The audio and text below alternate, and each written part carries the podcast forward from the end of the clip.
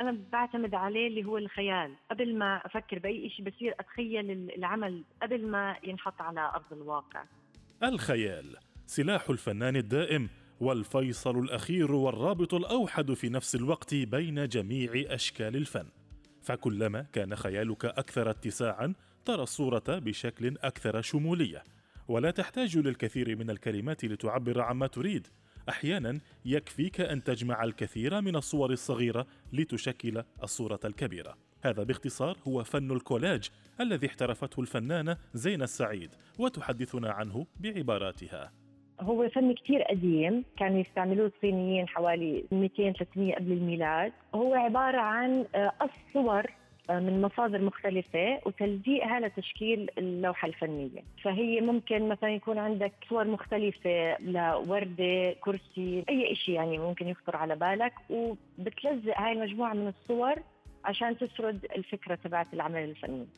إذا كان فن الكولاج بدأ قبل الميلاد فقد اشتق بالتأكيد عن فنون واشتقت عنه أخرى بلا شك. مخيلة الفنان ما إن بدأت تعمل فربما لا حدود لها. لما دخلت بعالم الفن جربت تقنيات مختلفة منها الرسم ومنها النحت تقنيات الحفر بالليزر أو الحفر بالراوتر. يعني دخلت في عدة تجارب. إحدى رحلاتي لروسيا صار عندي اهتمام فيه إنه كيف مجموعة من الصور من مصادر مختلفة ممكن تتلزق على بعض لتعمل شكل رسمة وفيها رسالة. اللي عجبني بالموضوع إنه نوعية الورق المختلفة وتلزيقها على بعض لتكوين هاي اللوحة الفنية هي أكثر شيء اللي عجبني بالموضوع.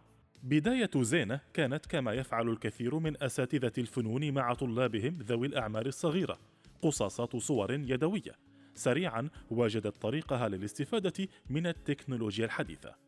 كبدايتي بلشت بقص والتلزيق اللي هو مثلا خلينا نقول أنا بدي أعمل لوحة عجبتني شخصية تاريخية يصير عندي رحلة بحث عن صور وإيش شغلات تاريخية اللي بتلبق لهي الصورة أو الرسالة اللي أنا بدي أوجهها. مجلات أي شيء ممكن أنا ألاقيه. قصائص ورق حتى من بوكسات محارم من أي شيء أولها كنت أبلش اقصقص الصور هذول وألزقهم آه، على بعض على خشب أو على board أو على كانفاس بعدين دخلت بعالم ال digital art اللي هو digital collage اللي هو نفس آه، عملية الكولاج اللي هي القصقصة بس تنعمل على برامج كمبيوتر. الشغل أنا بساويه بتسمى فن الكولاج الرقمي. بتاخذ نفس العملية اللي هي بحث عن صور وقصقصة هاي الصور وتلزيقها بالبرنامج الكمبيوتر اللي أنا بستعمله. لا تكفي عملية ترتيب الصور الكثيرة لتشكيل صورة واحدة، فإن مشقة البحث عن الصور المناسبة هي مهمة أخرى بدوام كامل، وفي النهاية النتيجة الجميلة والأداء الاحترافي قد يأخذان وقتهما، فلكل مقام مقال.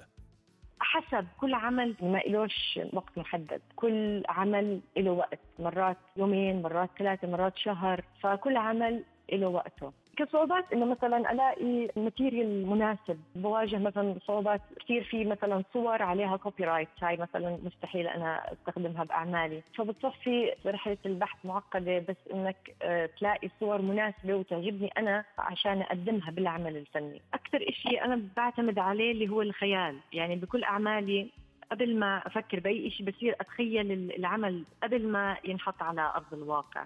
في النهاية قد لا تكفي الكلمات لوصف صورة واحدة ويبقى الفيصل في كل لوحة كولاج هو لمسة الفنان. ففي الصورة ألف صورة.